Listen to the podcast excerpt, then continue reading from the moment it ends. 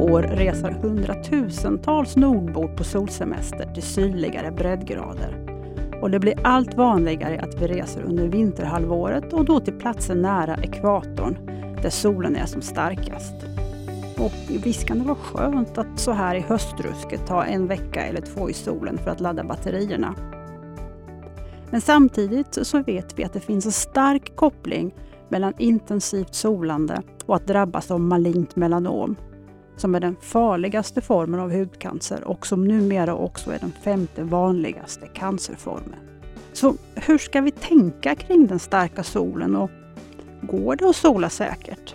Det är några frågor som vi ska försöka besvara i dagens podd. Så välkomna till Vetenskap och hälsa, en serie poddar som lyfter forskning som rör vår hälsa. Jag heter Eva Bartonek och med mig i studion har jag Karin Nilsen som är överläkare och hudspecialist på hudmottagningen vid Helsingborgs lasarett. Och hon är också docent vid Lunds universitet och forskar på hudcancer. Välkommen hit Karin! Tack! Ja, hur ska man tänka kring de här solresorna? Laddar vi batterierna eller gör de mer skada än nytta? Man kan säga att de här svenskarna, eller nordborna överhuvudtaget, är ju väldigt frekventa solresenärer. Och det finns ju många aspekter på det hela. Det beror lite grann på vilken risk, eh, vilken risk vi ska tänka på. Ska vi tänka på att vi ökar risken för hudcancer eller ska vi tänka på hela, hela eh, vårt liv och överlevnad och välbefinnande och allt som har med det att göra?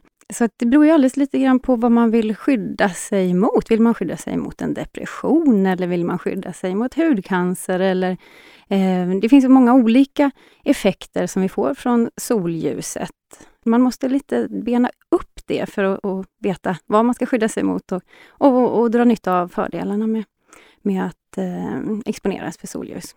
Men klart är ju att de, det här resandet har ökat väldigt mycket de senaste kanske 20, 30, 40, 50 åren. Innan dess så reste vi inte alls på samma sätt och tittar man ur ett evolutionärt perspektiv så är ju människor med väldigt ljus hud som, som eh, bor här uppe i, i norr, långt från ekvatorn. Vår hud är ju inte gjord för intensiv solexponering. Då hade vi haft samma hudtyp som de som bor närmare ekvatorn. De här solresorna de blir ju allt vanligare under vinterhalvåret då och att vi reser allt närmare ekvatorn. Är det, liksom, är det farligare att ge sig iväg under vinterhalvåret, alltså med tanke på då mm, huden, vad vi utsätter den för?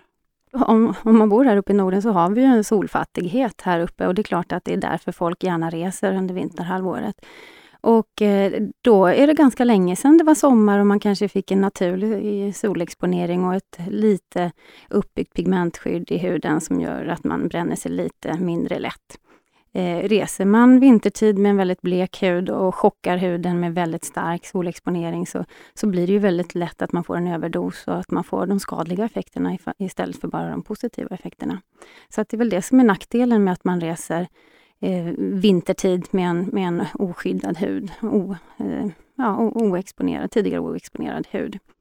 Hur, det är ju, vi har ju lite olika hudtyper, även så att säga vi nordbor då.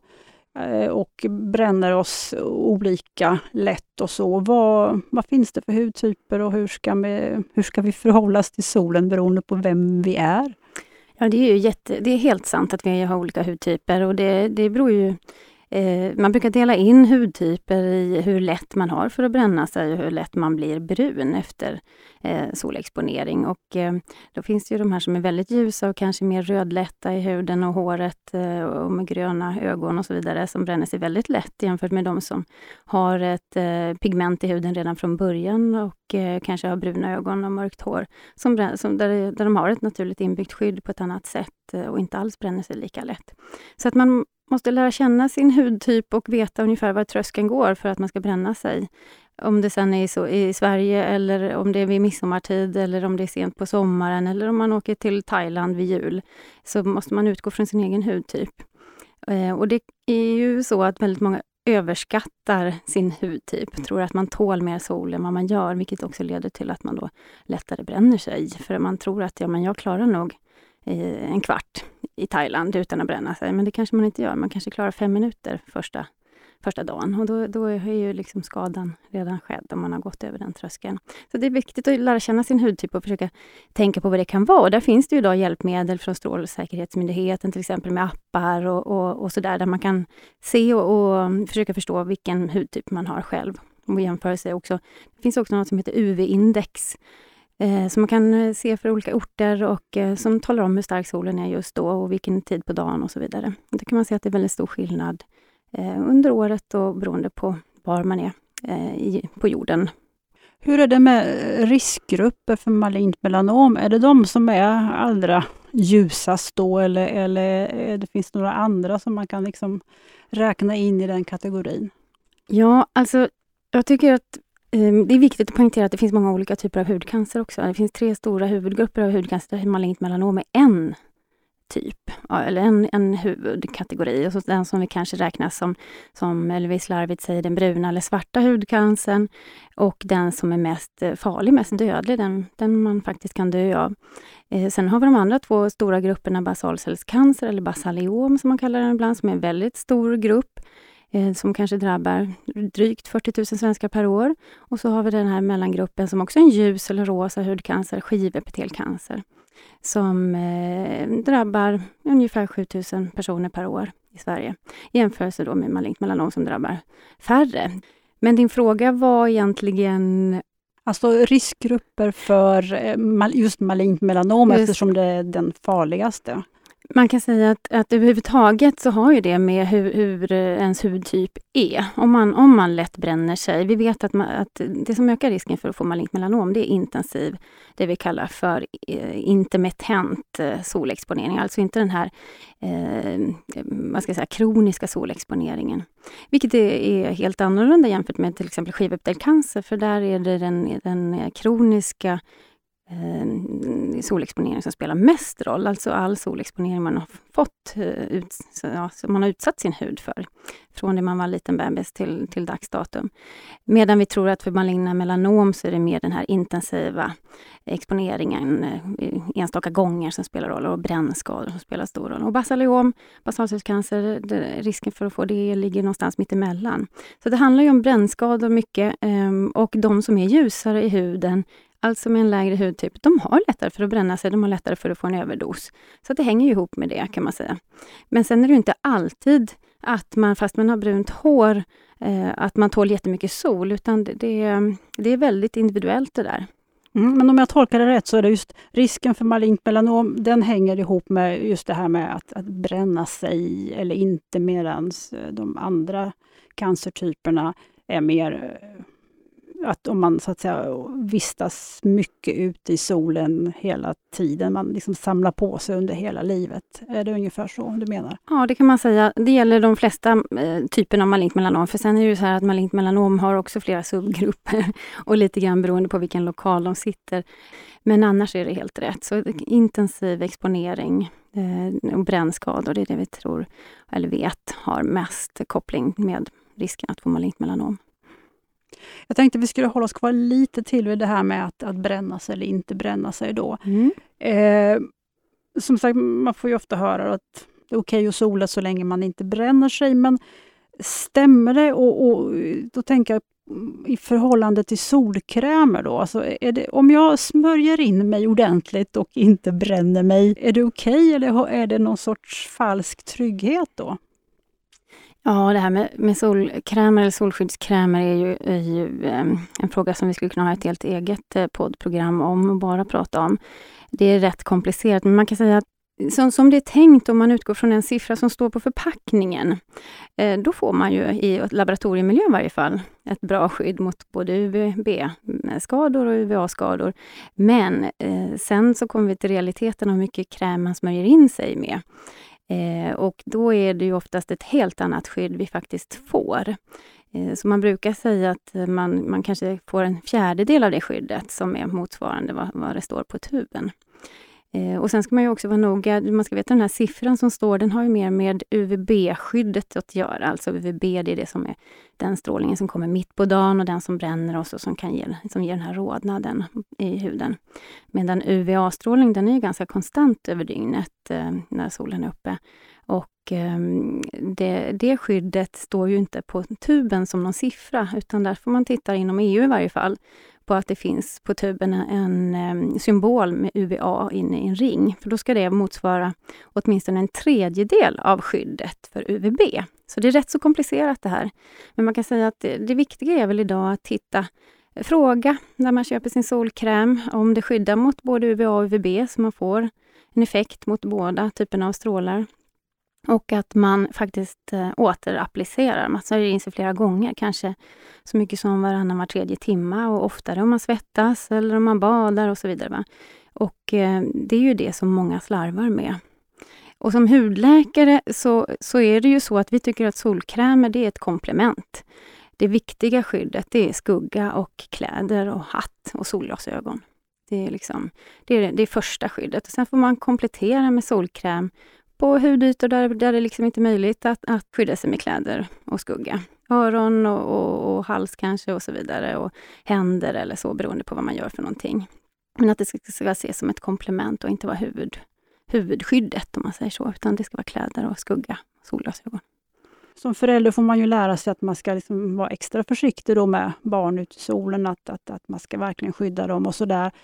Betyder det då att de riktigt små barnen, att man, att man ska så att säga inte låta dem vistas i solen eller alltid ha heltäckande kläder. Och går de då inte miste om den här positiva effekten med D-vitamin?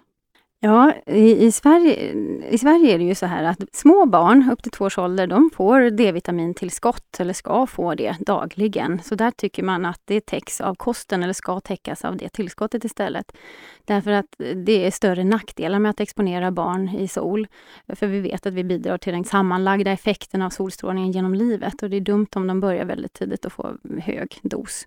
Plus att barnens hud är ju lite tunnare än vad en vuxen hud är, reagerar inte riktigt på samma sätt som en vuxen hud gör. Så att det är ju viktigt att skydda barnen framförallt eh, när de är små och när de inte kan välja själva heller att söka skugga eller sova, utan då måste man ju som förälder ha det ansvaret att, att se till att de får skyddet. Eh, och, och, där återigen vill jag betona att där är det ju kläder och, och skugga som är det, det bästa skyddet. Därför att hur det nu än är med solskyddskrämer så är det ju kemikalier som vi smörjer in på barnen och de har ett helt annat upptag av kemikalier i huden än, än vad vuxna har. Och, um, då, då, är det ju enklare. Och att, att smörja in ett barn med solkräm har säkert många varit med om att det, de är ju hala som ålar och sticker.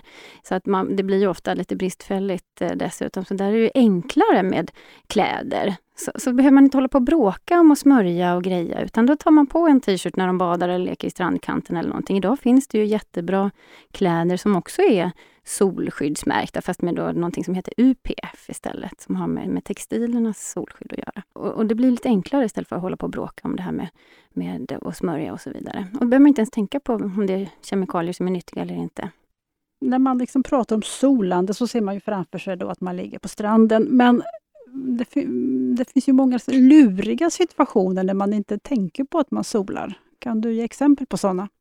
Ja, det är jättebra att du tar upp det, för att det är ju så att eh, som hudläkare, när man jobbar med patienter som, som kommer med hudcancer och så vidare, så, så, så frågar vi oftast hur, hur de har exponerat sig och så vidare. Och då, ett standardsvar är ju att jag solar aldrig.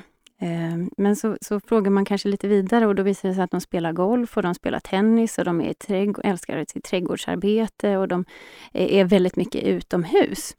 Eh, och det är ju också en form av exponering fast man inte tänker på det. Och det kan ju vara att man står i busskön eller att man äter utomhus eller att man jobbar i trädgården eller vad man nu gör för någonting. Alla de där tillfällena när man kanske står en halvtimme och får en ganska eh, tuff solexponering fast man inte tänker på det. Och det är också exponering, men det är ju inte det, man kanske inte tänker på att man solar aktivt, för man, man, man ligger inte ute för att bli brun. Men, men även det eh, adderas ju, läggs ju till den här totala solexponeringen eller risken för att man bränner sig. Så det är lite luriga situationer. Det är när man i sportaktiviteter, trädgårdsaktiviteter, överhuvudtaget när man är utomhus. Eh, så, så bör man liksom tänka lite mer proaktivt. Om man vet att idag ska, ska jag vänta på bussen eller någonting, ja då kanske man ska ha med sig en hatt eh, i väskan eller någonting sånt där, så att man, man har ett, ett solskydd redo. Mm. Nu tänkte jag skulle eh, ställa en fråga här. Du har ju varit med om att publicera resultaten från en studie som då visar att personer som solar mycket lever i genomsnitt längre än de som inte solar. Och visserligen så har ni sett då att de här som solade mycket hade en högre risk för, för att drabbas av melanom, men å andra sidan så hade de en lägre risk för andra sjukdomar såsom hjärt-kärlsjukdomar, diabetes, andra typer av cancer och om jag har tolkat artikeln rätt så var det till och med så att de som fick melanom, de som solade, fick en lite snällare form av melanom än de som fick melanom utan att sola speciellt mycket. Men jag vet också att, att eh, du vill kanske tolka de här resultaten lite mer försiktigt än dina medförfattare. Eh, vad, vill du säga något om den här studien? Ja, alltså jag, måste, jag, får berätta lite om den här studien. Det gäller alltså 40 000 kvinnor i södra Sverige som inte tidigare hade varit sjuka i någon eh, cancersjukdom eller någonting sånt, som tillfrågades om de ville eh, vara med i en, en enkätstudie i början på 90-talet där de fick eh, svara på en massa frågor om, om eh, hur de betedde sig i solen, vilka mediciner de tog och, och allt möjligt annat. Hur mycket de vägde och hur långa de var och, och massa olika faktorer. Om de drack kaffe, om de drack vin och hur mycket och så vidare. Så väldigt många olika frågor, så en enkätstudie helt enkelt. Sen så har man följt de här kvinnorna genom åren och eh, analyserat och sett, eh, stämt av helt enkelt. Eh, vill, har någon drabbats av hudcancer? Har någon drabbats av bröstcancer eller så vidare? Och så, och så har man jämfört med vad de svarade innan de började observeras, om man säger så. Och eh, om man ska vara eh, petig så är ju faktiskt titeln på artikeln att, att undvika sol är farligt. Så det är egentligen det som är kontentan. Sen är det ju naturligtvis mer massmedialt gångbart att tolka resultaten som att mycket sol eh, är, bättre.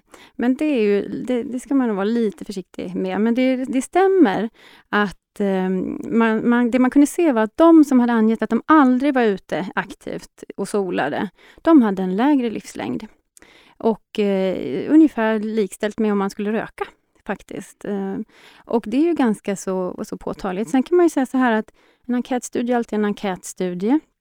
Man försöker som forskare att justera för allt möjligt, eh, det vill säga hur långa de är och när de är födda på året, och hur de har rest och så vidare.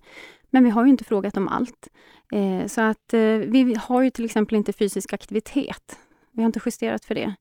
Vilket innebär att vi vet inte om de här kvinnorna eh, som också var ute mycket, eller angett att de har varit ute mycket, kanske också har haft en helt annan fysisk aktivitet än de som, eller mindre psykisk ohälsa eller någonting annat. Så det finns ju vissa saker som vi inte har justerat för, inte har kunnat justera för helt enkelt, därför att det tänkte man inte på när studien eh, startade. Eh, så man ska alltid tolka alla resultat med eh, försiktighet, tycker jag. Det, det, det ska man generellt göra. Men eh, det, det lutar åt att det ändå finns mycket som är nyttigt med att eh, vara ute. Och rättare sagt att inte alls vara ute är onyttigt. Det är som vanligt, det är liksom aldrig bra med, med jättemycket och inte heller med väldigt lite. Eh, men återigen, de här som hade varit mycket i solen, de fick ju hudcancer.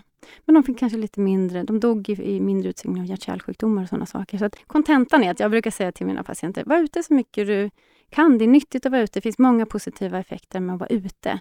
Eh, gärna en stund mitt på dagen. Det är då vi kan få vårt D-vitamin. Det får vi inte på förmiddagar och eftermiddagar för det är bara UVB-strålarna som ger oss D-vitaminet i huden. Eh, men att det inte ska vara någon lång exponering, men gärna ofta och, och, ganska kort tid. Så får vi det positiva. Vi får dagsljuset som träffar ögonen som kanske bidrar till sänkt blodtryck och, och, och så vidare. Eh, men inte överexponera eller bränna sig. Och inte undvika helt att vara ute.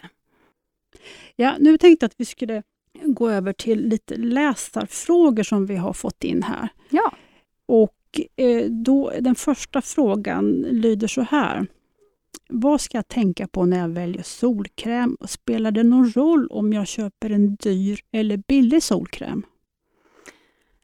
Ja, jag tror inte det finns några studier gjorda på det och jämförelser exakt, men man kan säga att det är lite grann av det jag sa från början. Det viktiga är att, det är en sol, att man kollar upp så att solkräm skyddar mot både UVA och UVB och att man använder riklig mängd. Man brukar säga att ungefär två teskedar kräm krävs till ansikte och huvudhalsregionen och det är rätt så. Och sen så eh, då varannan timme åter eh, smörja in sig. Eh, och ungefär 40 gram krävs till resten av kroppen och det är ju en halv tub ibland. Va? Så att, mm, mm, det är säkert många som har tuber som står från år till år och inser att det man, kommer man inte upp i på en hel säsong kanske alltid. Så att det gäller ju att man använder eh, rikligt tror jag. Det är viktigare att man använder det på rätt sätt än vilket märke det är skulle jag säga. Men att man kollar så att det skyddar mot både UVA och UVB. Sen har vi fått en fråga om det. Vi har ju varit inne på det lite grann, den här siffran då, solskyddsfaktorn. Men, men den här personen undrar, eh, vad innebär den här solskyddsfaktorn egentligen? Ja, det är ju ett mått på det, det, eh, SPF eller solskydd, sol, eh, Sun Protection Factor som det står för. Det är ju ett mått på hur mycket mer UVB man kan utsätta sig för innan huden blir röd kan man säga. Eh, och det är ju någonting som man tagit fram i testmiljö och med de här eh, betingelserna att man använder 2 gram kräm per kvadratcentimeter hud och, eh, och så vidare. Så att eh, återigen, eh, om, om man ska få ett skydd som, som är värd namnet så bör man ju komma upp lite i faktor därför att vi ofta är för dåliga på att smörja den mängd som behövs. Så att, Ehm, jag vet inte om det var eh, läsarens eh, fråga, men om man ska rekommendera någon någon siffra så är det ju där någonstans kring 30 eh, som gäller. Och dessutom som hänger ihop med UVA-skyddet. Så ska man få en tredjedels UVA-skydd av 30 så är det bättre än en tredjedel av 15. Och åker man utomlands så kanske man faktiskt behöver faktor 50. Men det man gör då, det är ju inte så mycket att man ändrar skyddet mot UVB, för det är ganska likt mellan 30 och 50. Det ökar bara någon procent extra. Utan det man gör är att man får ett bättre UVA-skydd om man har högre faktor. Nästa fråga eh, som vi har fått in är en person som undrar om jag har bränt mig. Finns det något jag kan göra för att reparera skadorna? Man kan bli klokare och inte göra om det. Det är väl egentligen det, det, det enda man kan göra därför att skadan är ju skedd. Har man bränt sig så har man skadat sitt eh, DNA, den genetiska koden i hudcellerna. Eh, och eh, som tur är så har vi fantastiska reparationsmekanismer så de allra flesta skadorna går ju faktiskt att reparera. Men om man upprepar de här brännskadorna om och om igen, då funkar inte alltid de här reparationsmekanismerna och det är då vi kan, kan sätta igång en, en hudcancerprocess. Så att eh, den akuta skadan, ja då är det ju mer eh, trösta, lindra som gäller. Men, men framför allt att bli tillräckligt klok för att förstå att oj då, det, det, här blev för mycket. Nästa gång ska jag inte vara ute, utan då tar jag med mig en skjorta och sätter på mig efter tio minuter eller någonting sånt. Så det är nog mitt bästa svar där. Och så en sista fråga här. Någon som undrar, kan jag förbereda huden inför en solresa? Kan jag träna upp den?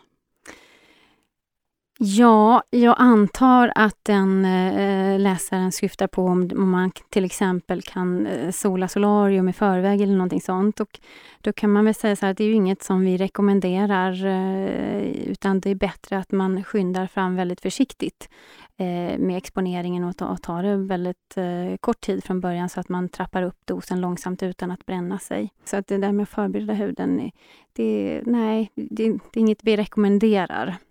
Eh, utan bättre att trappa upp långsamt när man väl är på semestern och eh, tänka på skugga, kläder, hatt och solglasögon återigen. Mm, nu tänkte jag att vi skulle gå över och prata också lite om din forskning.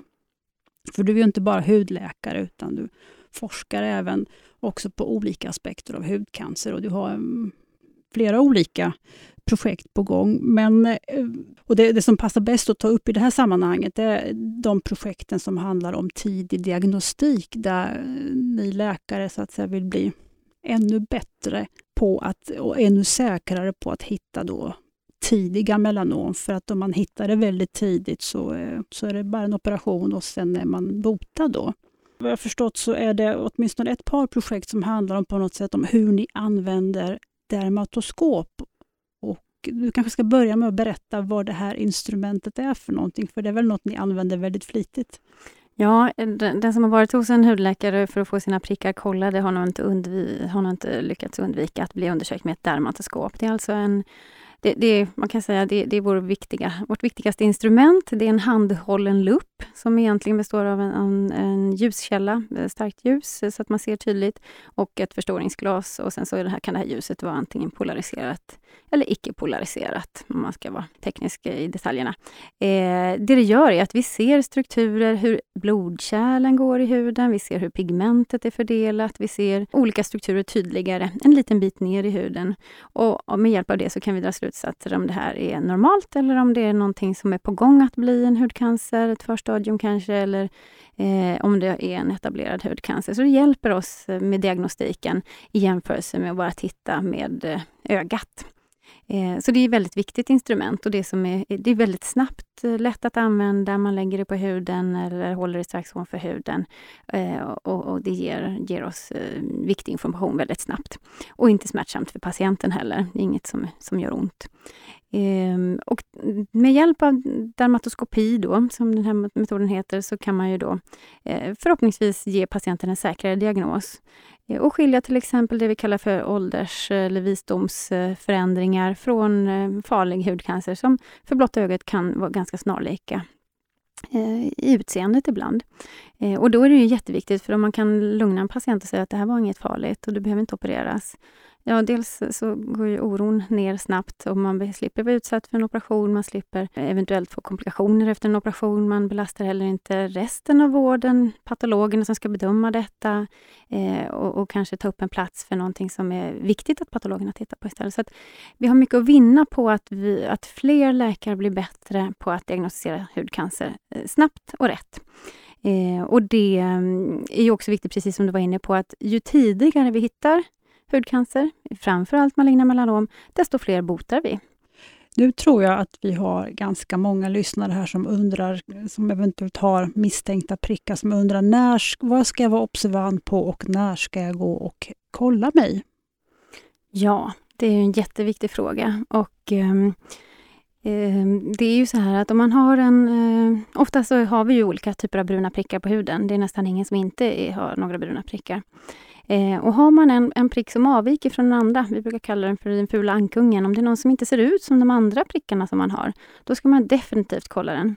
Eller om det är en prick som har ändrats över tid. Alltså att den har sett eh, ut som, en, som, som de andra i gänget tidigare, men plötsligt så börjar den ändra sig och det kan vara att den ger sig till känna, att den börjar klia eller att den, att den eh, breder ut sig antingen på höjden eller, eller bredden.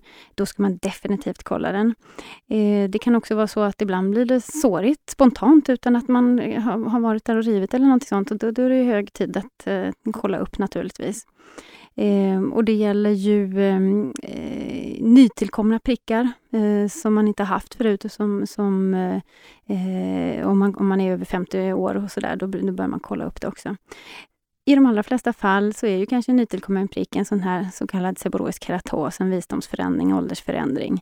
Men bättre att kolla en gång för mycket än en gång för lite. Därför att det är ju så att ju tidigare vi upptäcker farlig hudcancer, maligna melanom, desto bättre prognos och, och oftast kan vi alltså bota patienten om man kommer tidigt i förloppet. Så att eh, nya prickar som avviker, gamla prickar som ändrar sig, prickar som beter sig på ett sätt som inte eh, de har gjort tidigare, kolla upp. Men den här forskningen då, där ni ska så att säga finslipa era eh, metoder, vad mm. kan du säga väldigt kort och enkelt hur, vad, det går ut på? Ja, några projekt som vi har haft på gång här eh, och som jag tror att ni kanske kan läsa om i den här eh, Aktuellt om vetenskap och hälsa, delvis, en doktorand eh, till, till mig som har... Vi har undervisat läkarstudenter under grundutbildningen, det vill säga innan de har valt inriktning på vilken slags doktor de vill bli. Och så har vi sett om de kan värdera rätt Eh, bilder på hudtumörer, snälla och eh, farliga, om man säger så. Och, eh, att, och det får de göra in, innan vi har gett dem någon undervisning och så efter att de har fått undervisning. Och så ser vi om de förbättrar sig. Och tanken är ju att dels att de ska få upp ögonen för det här och lära sig att faktiskt hitta de farliga eh, hudcancerna och att kunna sålla bort de snälla oavsett om de blir ortoped eller gynekolog eller jobbar i primärvården. Och då tänker vi oss att det skulle gynna väldigt många patienter om vi kan få in det i grundutbildningen till läkare. Eh, och, och, att det skulle göra att vi får en tidigare och bättre och säkrare diagnostik om man kan lära sig basal dermatoskopi redan under grundutbildningen. De resultaten håller på att analyseras, så att vi, vi har inte sett eh, data på det än, men vår förhoppning är ju att det naturligtvis är så att utbildning lönar sig och att vi kan få, få Eh, bättre utrustade läkare som går ut eh, läkarlinjen från Lunds universitet. Du Eh, Eh, berättade också för mig någonting om när läkare skickar då remisser till, till hudspecialist, att man ska kunna skicka med en bild. Vad är det för forskning? Just det, det, det är ett samarbete som vi har haft inom Västra Götalandregionen, en doktorand där, som eh, har tittat på eh, hur remissgången sker och om den är säkrare om man kan få en bild tillsammans med sin, sin remiss från primärvården till hudspecialister. Och eh, där har man ganska tydligt sett att kan man bifoga en bild på den här misstänkta tumören så är det oerhört mycket mycket lättare för en, för en specialist som gör remissbedömningen att prioritera patienten eh, rätt. Så istället för att det står i text, eh, konstig prick på ryggen, så skickar man med en bild och då kan vi se direkt att oj, den här ska gå direkt till operation. Eller att den här kan man åtgärda, ge lugnande besked till och, och åtgärda, eller eventuellt åtgärda i primärvården. Och så. så att själva det man kallar för triagering eller det, hur man liksom sållar och eh, prioriterar remisser eh, blir oerhört mycket bild, bättre om man kan bifoga en bild. Därför att som hudläkare är vi väldigt, vi tittar ju på, på och bedömer ut efter bild. Och de, med de här remisserna så var det ju även dermatoskopibilder, ska man säga. Så att det var, var både eh, makrobilder så att säga och dermatoskopibilder. Så att det kan, eh, det kan hjälpa till ytterligare. Så att det är nog framtiden skulle jag tro, att, att vi, vi kommer att kunna ha det som remissystem, att det, att det finns möjlighet. Och sannolikt också att patienter själva, idag har vi ju egen remissförfarande på många ställen, att man kan skicka in en remiss om man är orolig och så vidare. Och att man där också på, på ett säkert sätt kan ladda upp en digital bild så att man lättare, ja, helt enkelt prioriteras rätt inom vården. Det är ju viktigt. Mm, det är ju många projekt här som syftar till att, att, att läkare ska bli så att säga, bättre som kan ställa säkrare och snabbare diagnoser så att den som då har drabbats av melanom ska få en så tidig diagnos som möjligt och få chansen till att bli botad. Men helst ska vi ju inte drabbas överhuvudtaget då, och då hänger det ju en hel del på oss själva. Att vi vistas ute i solen så att på ett förnuftigt sätt, att vi är ute med att vi inte, ser, att vi inte bränner oss i alla fall och, och att vi skyddar oss helst med kläder. Så att jag får ta och tacka dig Karin Nilsen för att du ville komma hit. Många tack för att jag fick komma. Om ni tyckte att det här var intressant och vill lära er mer om solens effekter på vår hälsa så kan vi rekommendera nästa nummer av vår tidning som den här gången är just på temat solen på gott och ont. Tidningen kommer ut i nästa vecka, den 7 november och kommer att finnas tillgänglig både i pappersformat och digitalt på vår hemsida vetenskaphalsa.se. Vi vill också passa på att flagga för Forskningens dag som är ett populärvetenskapligt arrangemang med samma tema som tidningen. Allmänheten bjuds in att höra forskare presentera sin forskning med föreläsningar, filmer, samtal och prova på-aktiviteter. Evenemanget kan följas i Malmö den 7 november och i Lund den 8 november. Föreläsningarna i Lund filmas och kommer att kunna ses både i direktsändning och i eftersändning. Mer information hittar du på vår hemsida. Sök på Forskningens dag 2017. Du har lyssnat till en poddserie om forskning som produceras av redaktionen för vetenskap och hälsa. Mer information finns på vetenskaphalsa.se. Du kan också följa oss på sociala medier.